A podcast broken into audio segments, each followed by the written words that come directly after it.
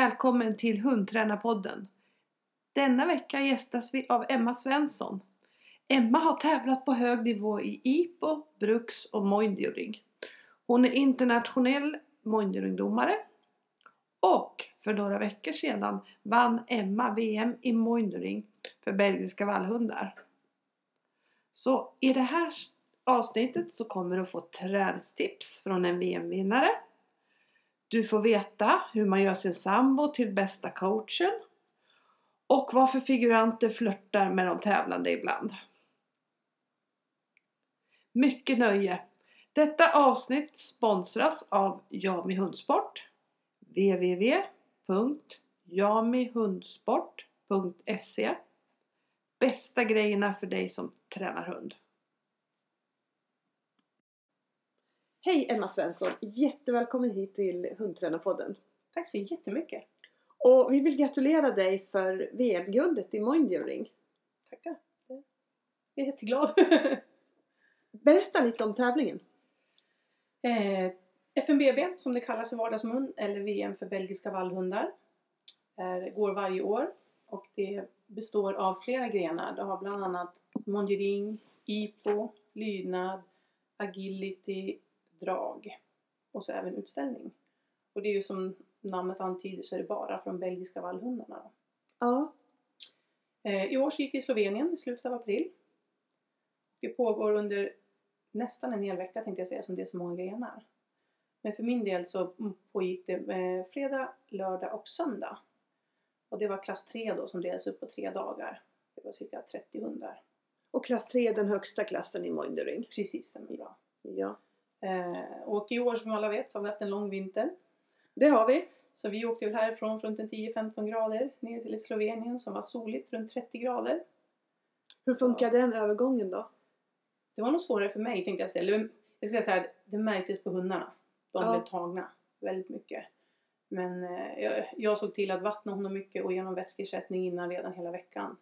För att redan bygga upp en liten buffert inför tävlingen. Ja.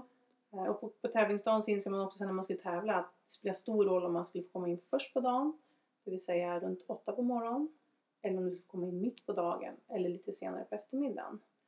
Så jag höll ju verkligen fingrarna i kors om att få ett tidigt startnummer men det slutade med att vi kom in klockan tio och jag kan säga att det var en gryta för det var en konstgräsplan det gick på. Okej. Eh, I Mondiring så har man ju tema. Årets tema för den här tävlingen det var eh, vinodling och sysslor som tillhör vinodling. Bland annat att man fick sätta kork i vinflaskor och lite här allt möjligt och kolla på vinrankor och dra runt någon typ vinpress. Jag vet inte vad det kallas när man pressar druvorna. Ja, det är nog en vinpress. Ja. Så det var lite sånt där. Så man ser att det finns en röd tråd genom allting. Man fick apportera bland annat en massa vinkorkar på ett långt snöre. Aha, var det där? Ja, Mm. jag såg filmen. Och för, för er lyssnare som är intresserade så finns filmen på vår Facebook-sida. Om ni vill titta på hur det här gick till då. Precis. Eh, så att man kan se så var temat rakt igenom och när, när, när jag insåg att vi skulle få gå in så vattnade jag upp honom väldigt mycket. Jag tryckte igenom många liter vatten innan för Ja. att bygga upp en buffert. Och, eh, det, det tog, programmet tog ungefär 40 minuter. Den stora vinsten för mig var att han var döslut efter ett tag. Eh, jag ska säga, två tredjedelar in i programmet, det märktes emellan. Han var, men när vi väl för varje moment ställde upp oss så kände jag att nej, då skärper jag till mig lite grann och verkligen pressat ur det sista. Så det var en riktig sån här kämparinsats från hundens sida sett. ja. Så när jag gick av planen så kände jag bara, spelar ingen roll. Det var liksom den här känslan av att verkligen det här gjorde vi tillsammans och han Jag- jag kämpade tyck- in i det sista. Jag tyckte faktiskt man såg det på filmen. Att, eh, att, du, du blev så, att du var, du, det kändes som att du var så himla nöjd med honom hela tiden. Ja, Att du hade en, en riktigt bra känsla. ja. Och Så, det, det tyckte jag genom hela programmet där. Vi missade ju för sig vittringen men det, det var ett missförstånd och i mina ögon så tog han den för att han redde ut det till slutet. Sen så saknades det väl fem sekunder eller någonting på klockan och för mig spelade det inte Aha. någon roll. nej, nej. Vad, vad tyckte du han gjorde extra bra på det här mästerskapet? Jag tror ändå att just trots att han var så trött så blev det inga felbeteenden. Att han, han styrde rätt där uppe i knoppen liksom och analyserade situationerna. Det gick inte i 200 knyck. Men han analyserade rätt och ändå då när det behövde så tog han i. Och ett exempel på det var näst sista momentet så heter det så är det en frontal med så kallade tillbehör. Och det är stora vad var det, bollar och flaskor i handen på figuranten. Och när jag skickade honom så tyckte jag att, nej men gud, han joggar. Alltså figuranten kommer hålla bort honom i sekunder. Men så sista två meter då ser jag hur han liksom växlar upp och verkligen trycker på och bara trycker sig rakt igenom. Så det, Ja. det var pang på rödbetan så att säga. Och det kände jag var, yes, där satt ja. Och sen vet jag också, det sista momentet var ju återkallande och det är ena starka grejer att, att lyssna liksom. Så att där var jag inte rädd för att Nej. köra på som vanligt för jag vet att han lyssnar. Ja, ja, det var jättesnyggt återkallande tycker jag. Nej, men så det- Verkligen. Och, och det kanske kanske det som jag, som jag är mest fascinerad av Moindering det är den här kontrollen som du har på hunden som man kanske inte ser i så många andra grenar. Nej. Faktiskt. Nej. Så det, Och jag tycker att det är väl egentligen grundplåten i hela sporten. Att det ja, kräver en sån enorm kontroll på allting. För det är ett kommando som gäller i regel. Annars är det noll. Och Ja. det kräver ju att det är bara att börja träna rätt från början. Annars så tickar poängen bort och det blir för dyrt. mm. Så ja. Var det någonting på VMet som du var mindre nöjd med? Som ni gjorde? Du eller han eller? Ja, alltså det är någonting som jag tyckte han var slarvig på. Så var det egentligen långhoppet som han slog i. Ja. Och där kände jag att han tappade lite fokus eh, för uppgiften. Så. Men, men känslan är också att vi har inte så många långhopp i kroppen om vi ska uttrycka så många olika typer. Så det kan ju vara det. Men där kände jag nog lite att nej, nu tror jag du var redan på väg att leta lite figurant om vi ska uttrycka oss så. Att han eh, inte var med där. Men annars så tycker jag att nej, jag är nöjd. Han, gör, han är ingen olydig hund. Han, han vill vara till lags. Och Ja. det gör det enkelt för mig som förare. ja. Ja som sagt det såg ju väldigt bra ut överlag på filmen tycker jag också. Så att jag, jag förstår att det inte fanns så mycket att inte vara nöjd med. Liksom. Sen är det ju små detaljer. Ja, ja men det, är- det är det alltid. Om man är lite petig så är det ju Så nästa gång. Berätta lite om din bakgrund i hundsporten och varför det blev just Moindering. Jag började som 13-åring på Brukshundsklubben ute i Östhammar. Eh, På den tiden hade jag en lånechefer, tyvärr av den sämre kvaliteten mentalt, som var rädd för människor, reserverad. Men på den tiden då gjorde man lydnad i grupp och så vidare. Och han fick nog tyvärr inte någon rättvis behandling av mig heller, för jag visste inte bättre. Men eh, jag körde lite då, lydnad med honom och lite sån här patrullhundbevakning. Sen gick jag över till att ha en Riesenschnauzer. Och även där körde jag Bruxet, Ja, elitspår och eh, även patrullhund till bevakning för han var flygvapenhund. Och sen efter det så kom jag in på Malle. När var det? 2002 tror jag det var. Eh, Och då skaffade jag min första Malle som också tyvärr inte var den mentalt bästa. Som var rädd för allt och alla. Så efter två år så insåg jag att nej, jag vill inte ha en hund som tycker livet är så jobbigt. Så då skaffade jag min Exa 2003. ja, Och i samband med det så kom jag i kontakt med Jonas Wallén i Enköping. ja, För jag läste en artikel, jag för mig att det var i Hundsport, som Alf Jannesson skrev. Han hade varit ute och Eh, tävlat Mondering, jag tror det var VM i ettan, men jag är inte säker. Och han beskrev då sporten, momenten och för mig kändes det som att shit, det här är den ultimata hundsporten. Vilken utmaning är det liksom, att allt är olika och så vidare. Så jag blev helt tänd och hade då genom gemensamma vänner då fått höra att Jonas i Enköping, jag bodde då i Uppsala, höll på med det här så jag tänkte att nej men, jag kontaktar honom. ja. Men, men, eh, men ändå, steget måste ju... Det steget är ju oerhört långt för att på den tiden så var ni ju tvungna att åka väldigt långt för att tävla, eller? Mm. Ja. Eh, jag gjorde då min första tävling 2004. Eh, och då åkte jag tillsammans med Jonas och hans sambo och Affe och hans sambo. Och jag hade med mig mamma. Och så bilade vi ner och kom upp och tävlade i Frankrike och Belgien. Ja, Eh, Och det var ju en upplevelse utan dess like. Att nämnas kan ju att vi hade inte GPS på den tiden utan vi satt med kartböcker. Så man fick väcka varandra mitt i natten och fråga var ska jag nu, var ska jag nu? ah, okej. Att, men jag måste ju säga att Monderingvärlden är oerhört välkomnande och fortfarande är oerhört öppna, välkommande, hjälpsamma. Så hör man bara av sig till klubbar som man ofta, inga problem komma dit, träna, de hjälper till. Vill man ha en figurant så finns det alltid någon som hoppar i dräkten åt den och så vidare. Så jag tycker att just den här sporten i sig är oerhört familjär och det är liksom, Ja. ja, väldigt vänligt. Men eh, har det inte varit svårt att motivera sig när man kan få så få tävlingstillfällen på ett år? För jag gissar att man inte åker utomlands två gånger i månaden och tävlar typ. Nej, det brukar, kanske för mig har det varit runt två till tre gånger kanske. Ja, Eh, Och det har det varit. Och jag är ju, är ju en tävlingsmänniska. Så jag har sett till att stilla den tarmen genom att hålla på då med Exa höll jag på mycket i brukspår. Och jag körde även lite IPO med henne så jag blandade lite hejvilt där. Eller hejvilt ska jag inte säga. Men jag, på slutet ja, så körde jag dubbelt och det som gjorde, tror jag, att det lyckades ändå att både kunna tävla något sånär inom IPOt och monderingen var att jag höll isär det. Att jag tränade inte varannan vecka IPO och varannan vecka mondering utan det blev lite i perioder. ja just det. Så när jag körde en gren då körde jag bara den grenen. Och sen när jag gick över till nästa så bytte jag och lät det gå liksom ett tag. Ja, Och jag tror att hon var ju helt grundad i mondering. Hon var ju tävlat mondering tre, flera år innan jag gick över på IPO. Så det gjorde ju att hon hade liksom en bra grund att stå på och förstå att okej, nu gör jag det här eller nu gör jag det här. Tror du att eh, behövs det speciell hund för att kombinera de två grenarna? Eller tror du att det är möjligt med flera hundar? Och tror du att det är möjligt att ligga på hög nivå i båda grenarna? Visst går det. Men jag tror att man måste ha en hund som är, har så kallade bra nerver. Som kan koppla rätt att i en stressad situation så helt plötsligt biter det inte överallt att säga.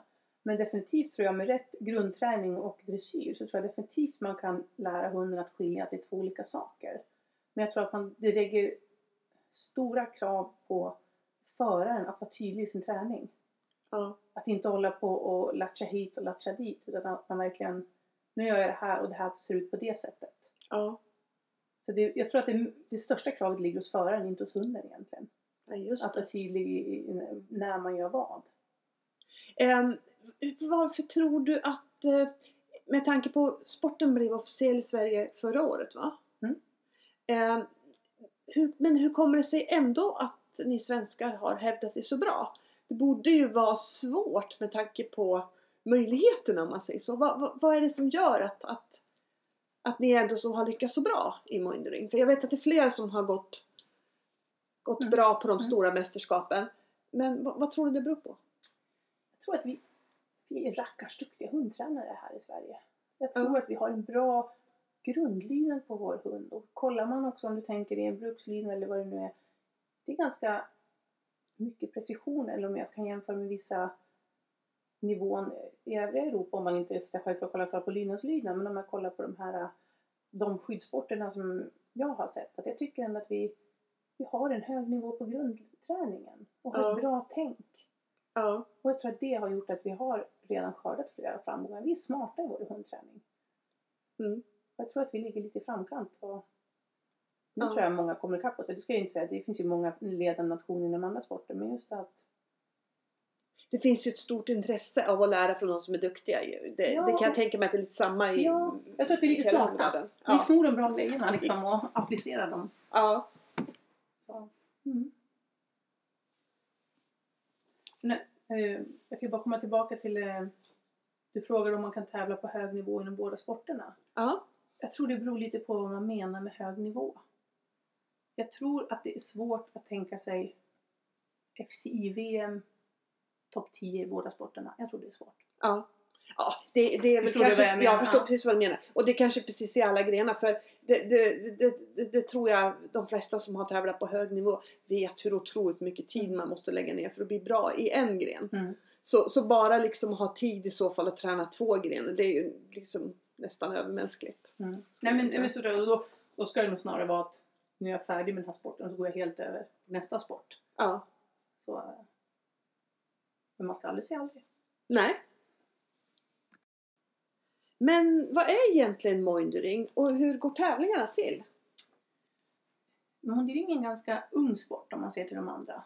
Eh, Det är någon gång i början på 80-talet så nere i Europa så kom man på att man ville skapa en gren där man kunde mötas mellan de olika skyddssporterna som fanns i varje land.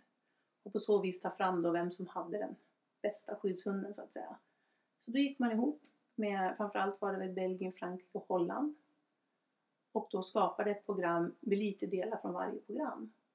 Och då på så sätt skapades Mondio Ring som står för världsring och ring är ju deras ord för skyddssport. Ja. Eh, Och efter det så tror jag så lockade till sig och efter det så lockade sporten till sig mer fler, fler deltagare vilket gjorde att de även specialiserade sig. Så idag så tävlar ju folk snarare för att tävla Mondio än för att kunna tävla emellan de olika grenarna. Ja. Det har blivit sin egen grej så att säga. Och Mondio eh, det består av tre delar. Lydnad, hopp och skydd. Man kör det allt på en gång. Du vet vilka moment som ingår, exempelvis fritt följ, apportering, fjärrdirigering, men du vet inte i vilken ordning de kommer komma på tävlingsdagen. Du vet bara att först kommer lydnaden, sen kommer hoppet och sist kommer skyddet. Och då, för att veta hur det ska se ut så för varje tävling och varje klass så har man en så kallad provhund. Och den visar då för dagen vilket mönster du går i fjärrföljet, vilket föremål som kommer rapporteras, apporteras, hur du ska skicka ditt framåtsändande, vilken typ av eh, attack det kommer ske, vilket tillbehör man har, vilket föremål som kommer bevakas och så vidare. Man kan säga att en klass 1-hund tar ungefär 10 minuter, en klass 2-hund ungefär 20 minuter och en klass 3-hund 45 minuter. Och också på en tävling brukar det finnas något form av tema. Så då kan man se en röd tråd genom hela tävlingen. Det kan vara allt ifrån vägarbete, Asterix och Obelix, eh, godis. Alltså, där är bara fantasin som begränsar än vad det blir för tema. Ja. Och oftast då kan man också se att det är ett röd tråd genom hela tävlingen. Det vill säga att det anknyter kanske på apporteringsföremålet. Eller de olika grejerna som finns på planen. Eller det här så kallade teaterspelet man har i förarförsvaret. Så det är oerhört roligt och varierande. Ja, det, det teaterspelet är ju jättekul. Ja. Vad sa de till dig när du satt där i filmen? För du satt och skrattade där ett tag. Vad, vad, vad sa de då? Det var jag som Det hela gick ut på från början var att de var väldigt onyktra. Aha, ja det är Så klart. de sa, en av de här figuranterna är en personlig vän till mig, så han sa det att "Åh, jag har alltid velat bjuda ut henne på en dejt och äntligen så ska jag få göra det. Och du vet. Ja, för jag såg att du satt och skrattade där. Ja. Så då, då undrar jag vad tusan sa de för någonting? Ja. Och det var um, mycket sånt där och att de, nej jag är inte onykter men jag kan köra alltså, det är inga problem och mycket sånt där. Och jag kan ju bara, en anekdot då var från ett VM från 2009. Då var det två figuranter och de pratade bara franska. Och då sa jag till dem så att ah, jag vill gärna att ni pratar engelska fast jag visste väl innerst inne att det kommer inte ske. Så det slutade med att de gick runt i ett helt och sa I love you. så det var också lite, man kan ju inte låta bli att hållas för skratt. Så det, det här teaterspelet, det är liksom lite distraktion för föraren också? Och de Ja. är ju lite, rätt personer som figuranter, då, då är de helt underbara. Då anpassar de ju lite, skulle det hända någonting med hunden, ja då anpassar de liksom sitt spel och hur de pratar och de skämtar emellan sig och ja, men det gör gör ju oerhört avslappnat för man som förare blir mer fokuserad nästan på att lyssna på dem. Ja. Så att nej, det tycker jag är en eh, typisk som visar att så här, det ska vara roligt. ja. Det är det faktiskt och det är jättekul att se Ja. på, verkligen. Eh, om, man, om man går vidare då till själva eh, mondiringet så är tanken att ettan ska alla, och med alla menar jag inte alla utan alla som kanske har en grundtränad hund i skydd kunna prova på. Det vill säga att det finns vissa saker som, det finns nummer ett, det är bara tre skyddsmoment. Om man tänker sig då att du har kanske en IPO-hund som är van att bevaka eftersläppandet så får man göra det. Ja. Och det handlar om att man egentligen får folk att kunna våga prova på sporten och se om det kan vara någonting för dem. Ja. Sen är tanken att vill du tävla i klass 2 och 3, då måste du specialisera sig. Det är ett ganska stort kliv mellan ettan och tvåan. Så det är oftast där folk faktiskt fastnar i tvåan. För att det är ett ganska stort kliv. Mellan tvåan och trean är det inte ett lika stort kliv. Men det märks också att alla övningar, många övningar, det tillkommer några övningar, men alla övningar som finns, det är inget man tar bort. Och de blir svårare med jag säger avstånd, tekniker och så vidare och distraktioner. Mm. Mm.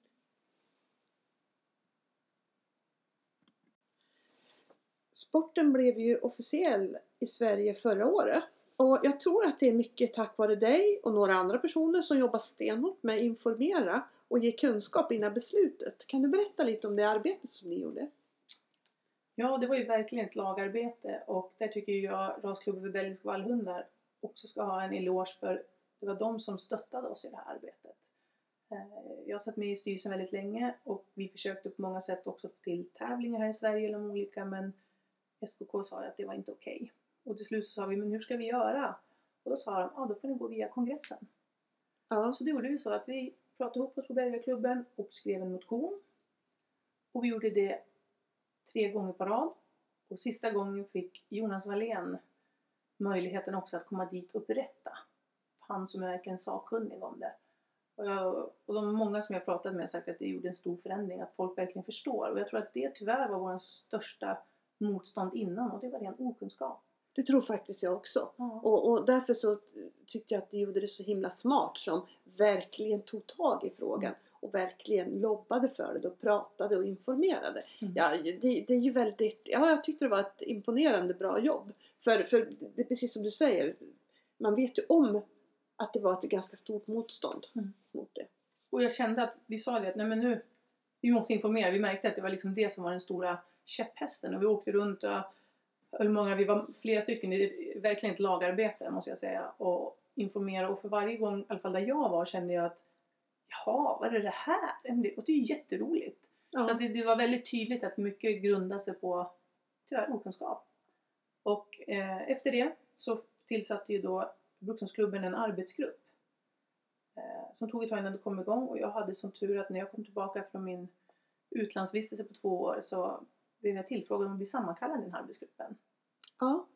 Så då var vi ett eh, gäng som satt och funderade och sammansättningen av den här gruppen var ju tanken att vi skulle komma från olika bakgrunder eh, just för att vi ville ha inte bara ja-sägare utan vi ville ha några som kanske var lite mer skeptiska för att då få rätta tänket och frågan hur ska vi då förklara för de som är skeptiska så att vi inte liksom bara går till de som redan är frälsta. ja, just det. Och det tror jag var en, eh, också en, ett, ett vinnande koncept där och då. Att vi liksom fick de här, liksom, okej men hur ska vi tänka då? Men vad gör vi då för de som är rädda för det? Och så vidare. Och därför blev det ju lite förslag på bland annat att införa en träningslicens och karenstid om du vill tävla andra skyddssporter. Ja. Några av exemplen. Och efter det så skickade då SPK det till Kennelklubben som tyckte att det var ett bra arbete. Och vi implementerade vissa förslag också i raketfart skrev vi ihop reglerna för Sverige. Men de internationella reglerna fanns ju för momenten och sånt men vi behöver ju allmänna regler, anvisningar och så vidare. ja, just det. Eh, Och det blev väldigt bråttom så att vi är medvetna om att det finns vissa barnsjukdomar som felsyftningar och sånt där. Men det är ju tanken nu att efter utvärderingen här och vår förhoppning är ju såklart att det ska bli officiellt ett årsskifte. Att då kommer vi göra de ändringarna som har varit otydliga Ja. och förbättra. Och där får man ju också säga att det här är ett levande arbete. Det är jättesvårt i början att veta att ha det perfekta regelverket och perfekta liksom så jag, vi är, jag är väldigt ödmjuk inför uppgiften och tacksam för alla som vill bidra och säga att Nej, men det här tänkte ni tokigt. Hur tänkte ni här? Ja. Och sen nu då har, har vi en utskottsgrupp under SPKs eh, utskott för prov och tävling då. Som heter Monjering där vi sitter fyra personer som arbetar med det här och försöker nu att ta fram eh, utbildningsplaner för att kunna utbilda tävlingsfiguranter och domare. ja. När kommer första SM till Moindering att bli? Vi har planerat in 2019. Ja, ni har det? Mm. Ja, vad kul! Så det, det vi måste vänta på är ju ett OK då vid årsskiftet från Kennelklubben. Ja, såklart. Ja. Men eh, Katrineholm där det ska gå är eh, vidtalade och de är på. Ja. Så vi håller fingrarna i kors och hoppas att det inte ska hända något. Jag hoppas att eh, några representanter kanske var på er tävling i Enköping. För jag har hört jättemycket eh, gott om den. Att det var så himla bra ordnat och att det var så himla kul. Och ja, att folk som var där blev jättetaggade. Precis, och jag måste säga också att tidigare säga, har vi haft lite motvind från framförallt Kennelklubben men efter att det antogs och blev officiellt så har de verkligen stöttat oss och sagt att nej men nu har vi, nu har vi accepterat att vi ska ha den här sporten och då jobbar vi för det och det har de verkligen gjort. Det har inte alls funnits några sura miner, tvärtom. Kul! Bara stöttningar. Och jag tycker fortfarande att det är det att problemet vi har i dagsläget är att det är många som är jättenyfikna men det finns nästan inte tillräckligt människor för att sprida- kunskapen tyvärr. Nej just det, det är ju är alltid så när en sport är. Mm. Såklart.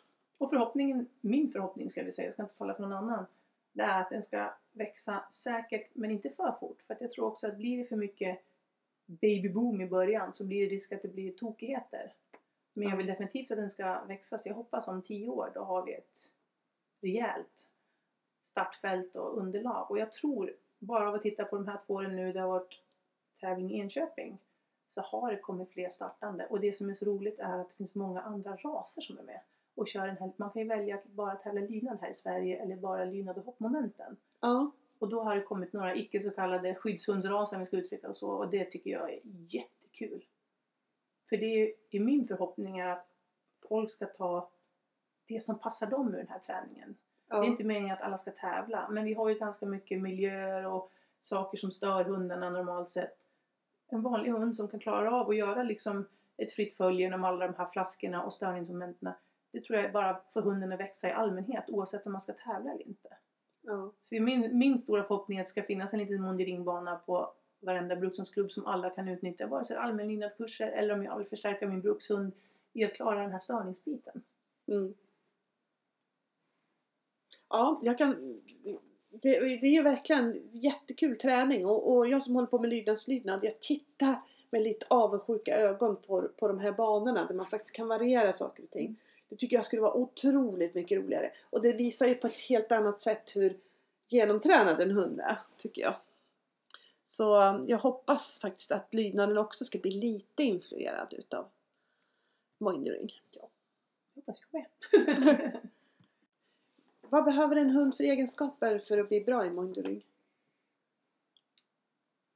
det här är ju så svårt för att man, jag tror också att en hund måste passa sin förare. Men för mig så är det att jag söker en hund med stor kamplus, den ska vara miljöstark och social. Ja. Det, det är de liksom tre grundläggande för mig. För jag känner att kamplusten framförallt är den vi jobbar i, i mestadels eh, när det gäller allt skyddsarbete. Ja. Och sen även det här miljön, det säger ju sig självt med all miljö som finns. Och sen tror jag att det sociala gör att har du en social hund så finns det många situationer som gör så mycket enklare för en. Då behöver den inte fundera på alla människor som är på planen och allt det här andra. Så det är, det är de som jag, som jag... Sen finns det ju såklart... Men jag tror att det också är det viktigaste är liksom att... Nej, nu... ja.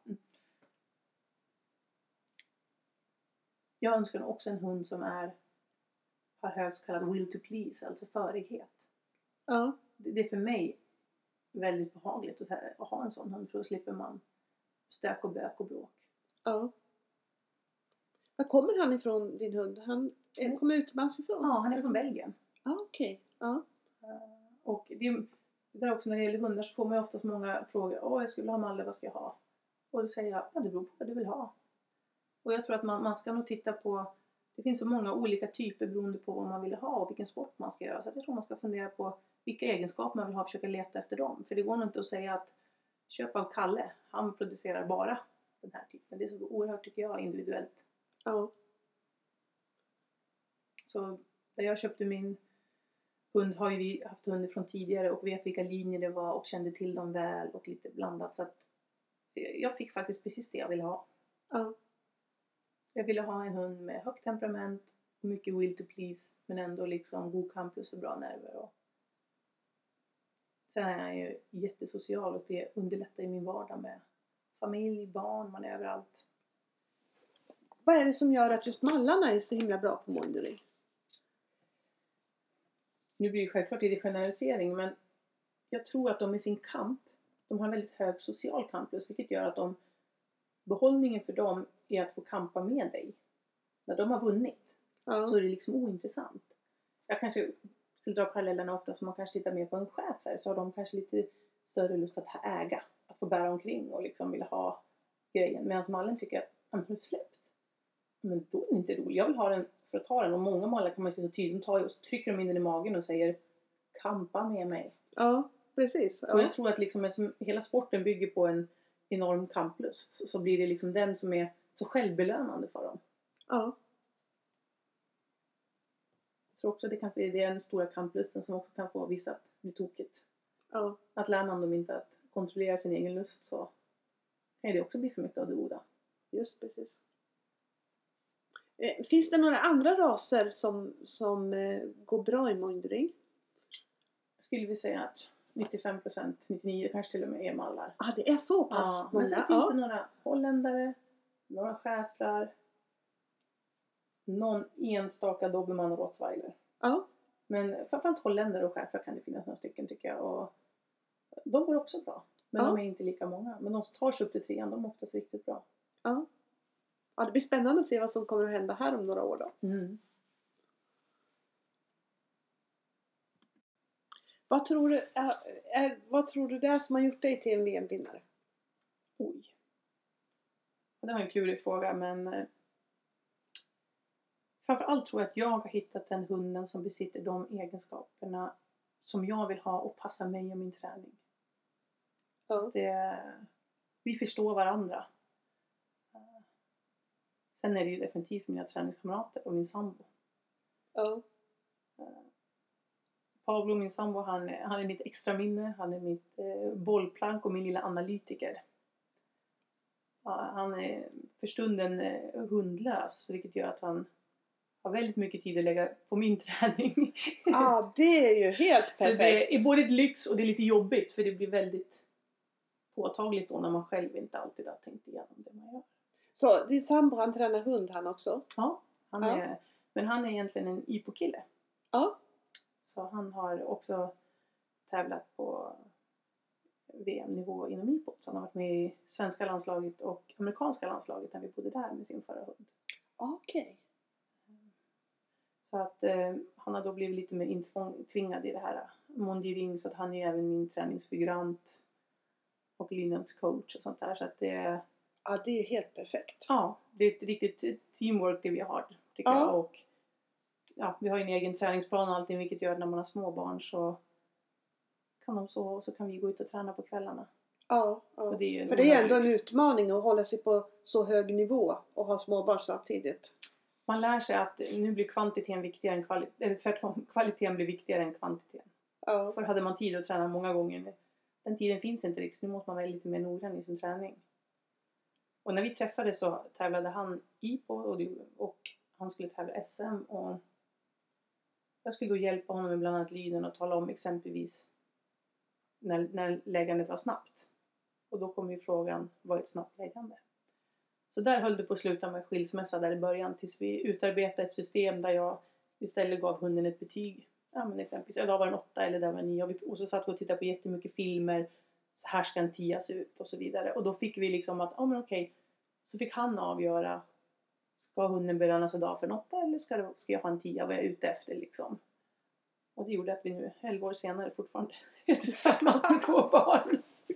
det tycker jag var ett himla kul och ett himla bra system. Ja. Och, och jag tror faktiskt att det kanske man skulle utnyttja mer i träningen. Mm. För det händer ju ganska ofta att, att folk säger liksom, ja men se till om det var bra. Och herregud, hur vet man om någonting är bra Mm. eller inte? För det beror ju otroligt mycket på Mm. vilken ambitionsnivå man har. Och framförallt i IPO-sporten då, som är helt till motsats till, till mondioringen som är så precision. Alltså det ska ju vara så himla snabbt. Jag menar i mondioring, det är inte svårt att säga la sig hunden eller la han sig inte. Det behöver inte gå snabbt. Nej. Men i IPO till frågan hur snabbt var det? Var det tillräckligt snabbt? Och så vidare. Så nej, och jag tycker att varje sport har sin tjusning. Jag kan tycka IPO är också jättehäftigt. En bra IPO-hund tycker jag är wow. Ja. Och lika väl som man ser andra sporter med, liksom de här agility-människorna. Ah, det här samspelet på plan när det går i 190 och de bara flyger fram och gör sina små... Ah, jag tycker det är jättehäftigt. Ja. ja. Eh, hur mycket tränar du? Varierar väldigt beroende på säsong. Jag skulle nog säga under lågsäsong så momenttränar jag max en gång i veckan. Troligen mindre och vissa perioder ingenting.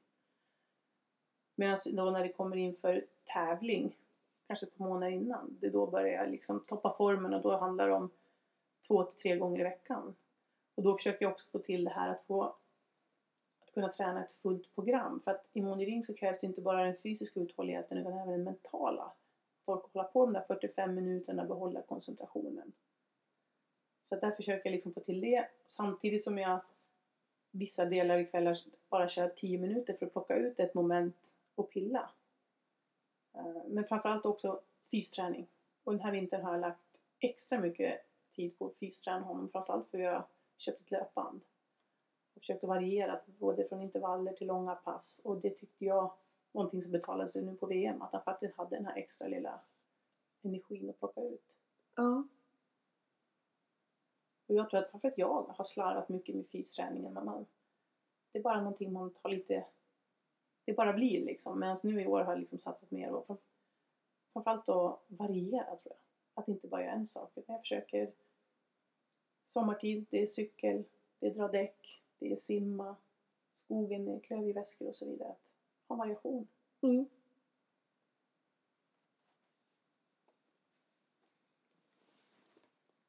Oh. Har du några inspirationskällor i träning och tävling? Ja, eh, jag skulle inte säga att jag har en enda utan jag är lite sådär också att jag, jag tycker om att titta på andra sporter. Och framförallt de där jag ser att de visar att sina träningsmetoder även funkar på tävling. Det vill säga att de som kanske ja, presterar bra, kan placera sig och gärna flera gånger. Flera gånger tycker jag. Och till exempel så själv så tänker jag ofta att, jag måste gå, att man ska gå tillbaka oftare till grunderna. Och med det menar jag om vi tar exempelvis vårat bevakning av föremål i Mondiring. Eh, Min hund ska stå med baktassarna på föremålet. Ja. Och är det ett enkelt platt föremål, låda, så är det ganska enkelt. Men så ibland så kan det vara några pinnar som står hej hoj åt vilket håll som helst. Vilket gör att man kanske inte, det är nästan fysiskt omöjligt att ha tassarna på för då skulle den rulla runt eller fara iväg. Och då måste man ju lära hunden ett alternativ, att det räcker med att du kanske bara har en tass på eller att du trycker höften emot eller liksom med alternativ. Ja. Men när man då lätt kanske bara tränar i svåra, svåra föremål hela tiden så tappar den ju lite av den här grunden att du ska alltid försöka med två tassar.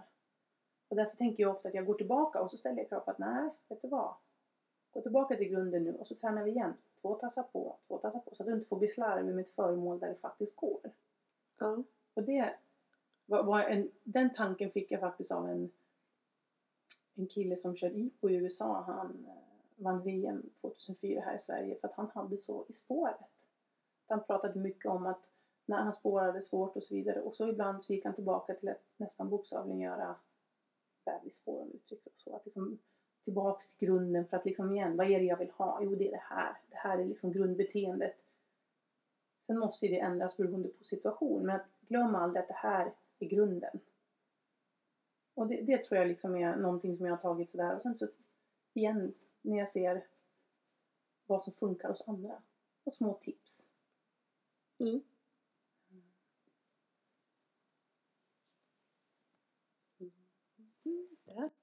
Hur tänker du i träningen för att din hund ska funka lika bra på träning som, eller på tävling som på träning? I viss mån lurar vi våra hundar. Jag menar, vi belönar ju dem på träning men inte på tävling. Men jag tror att man ska försöka efterlikna träning och tävling så mycket som möjligt. Inte alltid, men när det börjar närma sig tävling. För jag tror att annars blir det för mycket, för stor skillnad och då kommer hunden efter ett par år säga att ah, men nu är det tävling, varför ska jag? Ja. Och jag brukar vilja minska ner mina belöningar inför och istället lägga över mycket mer social belöning. Så att jag faktiskt på tävling kan belöna min hund där inne och att han ska tycka att det är kul. Så att man inte gör sig för beroende för att man alltid, en hunden ska alltid ha en leksak eller godis för att ta det som en belöning. Mm. Jag ska det två gånger. Om man ska bli riktigt bra på att träna hund, oavsett vilken gren man tränar, vad tycker du då, vad, vilket tips skulle du ge? Jag skulle nog säga att ha en uthållighet i sin träning och i sina metoder. Jag får känslan ibland att många byter lite för metod för fort för att man inte riktigt vågar tro på det och vågar vänta in resultaten. Och stor risk är nog också när man inte kanske har man kanske åker på ett läger här och sen ett läger där och får nya tankar och så byter man igen. Att istället liksom försöka hitta sin röda tråd och tro lite på den. Ja. Och sen också, som jag nämnde tidigare, tror jag också att det är viktigt att inte glömma att gå tillbaka till de här grundövningarna. att ibland tänka, vad är grunden med det här momentet? Är det att gå fritt kör följer mig, ja men då kanske jag ska gå in och belöna lite godis eller förstärka upp det. Är det bevakning av föremål som vi pratade om att ha två tassar på? Men gå tillbaka och påminn hunden att det är det här du alltid ska sträva efter. Sen kanske inte alla föremål kommer tillåta dig att ha två tassar på. Då är det här helt okej. Okay. Men din första tanke ska vara, jag ska försöka att ha två tassar på. Ja. Det tror jag är viktigt att man liksom Annars tror jag att, aha, idag, igår var det okej okay med ett halvtass. Varför ska jag ens försöka med två?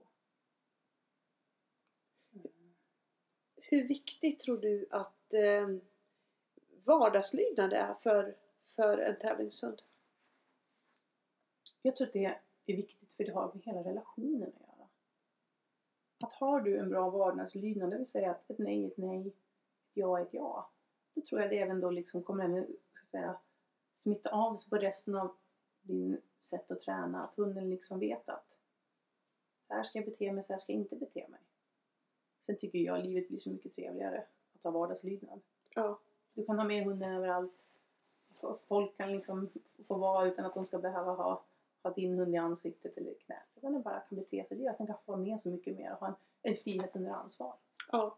Och man får inte glömma bort ändå tycker jag att det, det, det vi tävlingstränar och tränar, det är en liten del av hundens vardag. Det är det absolut. Så jag ser en oerhörd glädje att kunna ha med min hund överallt inom citationstecken. Ja. Ja. Håller helt med. Om träningen känns motig, hur motiverar du dig själv då att träna i alla fall? Ja. Eller att kämpa vidare kanske man ska säga. Kämpa vidare, ja precis. Ja, där måste jag nog igen säga att det är, det är min sambo, han är ovärderlig. Han ser till att jag får egen tid att hinna med min hundträning. När jag försöker hitta ursäkter som att eh, barnen ska fixas, det är tvätt eller det är någonting annat sånt där i vardagen eller bara dåligt väder så brukar han säga att fixar jag så får jag gå ut och träna. Och även om det är motigt då så brukar det ofta vara att när jag väl kommer ut och iväg så är det efteråt en jäkla härlig känsla. Jag tror många kommer att bli väldigt avundsjuka på din sambo nu. Ja, jag måste det känns säga, så. Ja, då måste jag vara tydlig med att han är väldigt upptagen då. ah, Okej, okay. ja det kanske är bäst att säga det. jag kan låna ut honom ibland. Ja, ja. Nej men så att jag tror att vi har hittat ett, ett väldigt bra sätt för varandra. Och det där var ju även på den tiden när han tävlade på hög nivå så så gav man honom den tiden han behöver för sin träning. Och jag tror att vi har förstått det båda två att vill man tävla på en hög nivå så krävs det tid och krävs förståelse. Samtidigt som att för oss är det ju också att det ett lagarbete även när han körde IPO så var man även delaktig i det på det sättet jag kunde. Ja, ja man blir ju liksom Ja. två om saker. Det kan man, det kan man ju inte komma ifrån. Nej. Så det är ju lite motiverande. Verkligen. Eller det är jättemotiverande tycker jag. Om, om, eh, Så det är en stor förmån att ha, ha en sambo som delar ens intresse. Tycker Ja. jag är jätteroligt. ja. Eh, tränar du även om du inte har någon...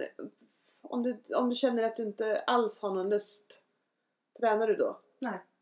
Jag tror att ett, ett pruttpass gynnar ingen. Då är det bättre att låta bli. Eh, Jag tror att man ska ha roligt och man ska vilja träna för att det ska vara... Och att vi har alla dåliga dagar. Ja. ja, jag håller med. Jag tycker att det krävs, för bra träning krävs det hög skärpa. Mm. Och då, då, ja, då behöver man vara, vara lite grann på hugget. Jag har också insett med tiden att små barn, jag skyller på dem nu då, förstör minnet. Jag har, jag, jag, jag måste ha, jag har börjat, det. Mm. Sen jag fick småbarn och inte bara ha mig själv så har jag insett att man, jag måste föra anteckningar. Annars kommer inte jag ihåg ett smack. Ah, okej. okej. Mm, och det, förr hade jag aldrig träningsdagböcker eller sånt där, men det har jag börjat med nu för att inte nästa pass säga, gud vad var det jag sa? Vad Just var det? Just det. Så det tycker jag är en, det kan jag verkligen rekommendera. Ofta så är det här att efter tävling så får man så många, "Ah, det där, det där, det där, det där, det där. Och sen blir man helt tom och sen en vecka senare var det, vad var det jag tänkte på?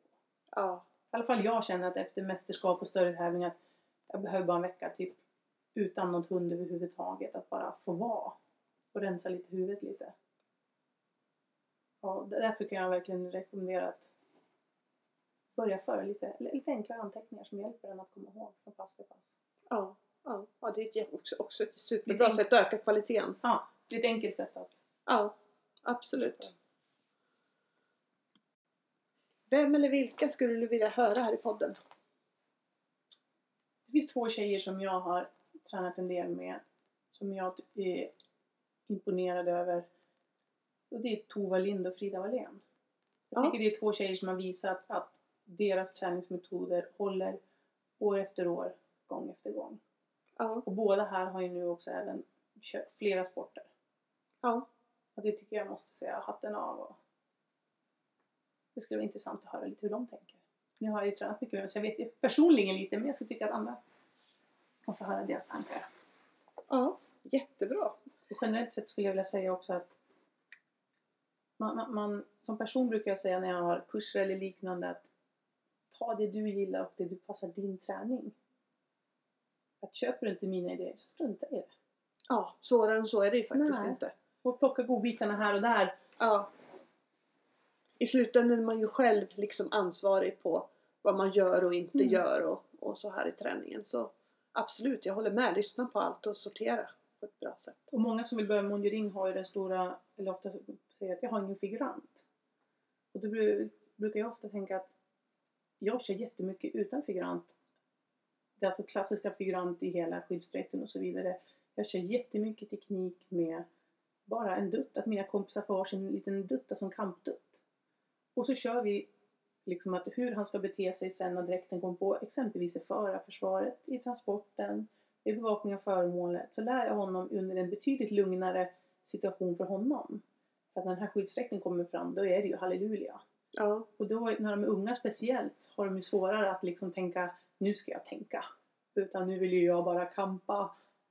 Och kan man då istället få hunden att liksom komma ner lite i driften att vilja leka och bara kanske göra så lär man den tekniken att så här vill jag att du ska bete dig i de här situationerna. Och när hunden vet det och jag känner att ah, bra, då kan jag plocka fram den dräkten för då kan jag också ställa lättare ställa krav. För jag vet att hunden vet hur den ska bete sig. ja. Det är lite grunder Ja. du kommer tillbaka till Ja. där också. Ja, Och du, jag, jag uppfattar det som att du, du, du menar att må- mycket av grunderna här på skyddet kan man träna in Mm. eh, på lite andra sätt än just att ha figurant. Och, Ja. Sen självklart måste man få en figurant för att få in de här attackerna och så vidare. Men du kan göra jättemycket utan figurant. ja, Och jag tror snarare att det är en fördel att inte blanda in figuranten för tidigt.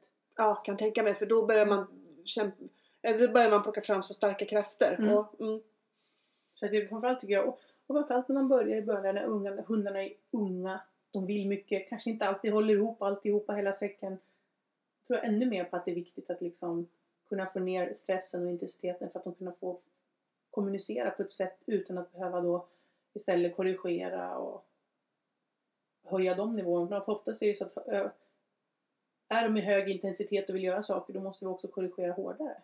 Ja. Kanske helt i onödan för att de egentligen inte förstår. Mm. Det är ett litet, väg på råd, det är lite nu, råd på vägen ja, till den som kör mondiring. Att var inte rädd för att börja pilla. Liksom försöka just med de här te- tekniska grejerna. Hur vill jag att min hund ska bete sig i ett förarförsvar? Hur vill jag att den ska gå transporten? Och så vidare. Jag tror man kommer väldigt långt på det. ja. Du hade ju väldigt fina transporter på, på tävlingen. Jag tyckte Okej, det var lite ja. häftigt att han gick bakom. Ja. Jag har bara sett eh, de har gått emellan förut. Mm. Och, och där igen vill jag tipsa, titta på filmen. Om, om, för vi har ju pratat om en hel del saker eh, inom moindring och förklaringen får man jättemycket i, i filmen som ligger på Facebook-sidan. Och där kan vi också se ett, ett ypperligt exempel sett av transporten. Att hunden får gå var den vill. Poängen är att den ska försöka förhindra figuranten att fly några meter. Och där tror jag man ska titta på hunden, vilken typ av hund man har. Och alla positioner har sina för och nackdelar. Ja, Det ska man också liksom, ja. Så, och sen får man också räkna med, tycker jag, var inte rädda för att göra fel. Jag kan bara säga att min första hund, hon fick fyra olika transportpositioner innan hon hittade rätt. ja okej. Ja. Så, så att, inom, inom, missförstå mig rätt, det, det är inte farligt att göra fel. Men man måste våga prova och jag tror att man som dressör och hundtränare då också utvecklas mycket mer när man tänkte att "Ah, det där var ju bra men det där kanske inte var bra. Och provar man inte saker som man tror på heller, då kommer man ju heller aldrig hitta på nya saker som är liksom nya idéer om man bara kör på säkra kort. Sant. Så våga prova. Eh, tack så jättemycket Emma. Det har varit fantastiskt intressant att lyssna på, på dina tankar om, om, om hundträning och om moindering och massa lycka till i framtiden. Vad är ditt nästa stora projekt? Oj, tack snälla. Det var jättekul att få vara med. Just nu är det väldigt lugnt. Eh, jag kommer tyvärr inte kunna delta på FCI-VM i Ryssland i år. Så att eh, mitt nästa projekt blir nog kanske att eventuellt tävla i Landskrona. Om inte annat så det definitiva nästa projektet är att försvara VM-titeln nästa år i Tjeckien på FNBB, mästerskapen för belgiska vanhundar. Kul! Då kanske vi får anledning att återkomma. Hoppas på det. Tack så mycket! Tack själv. Det här avsnittet sponsrades av Jami Hundsport. www.jamihundsport.se Och här hittar du de absolut bästa hundträningsprodukterna.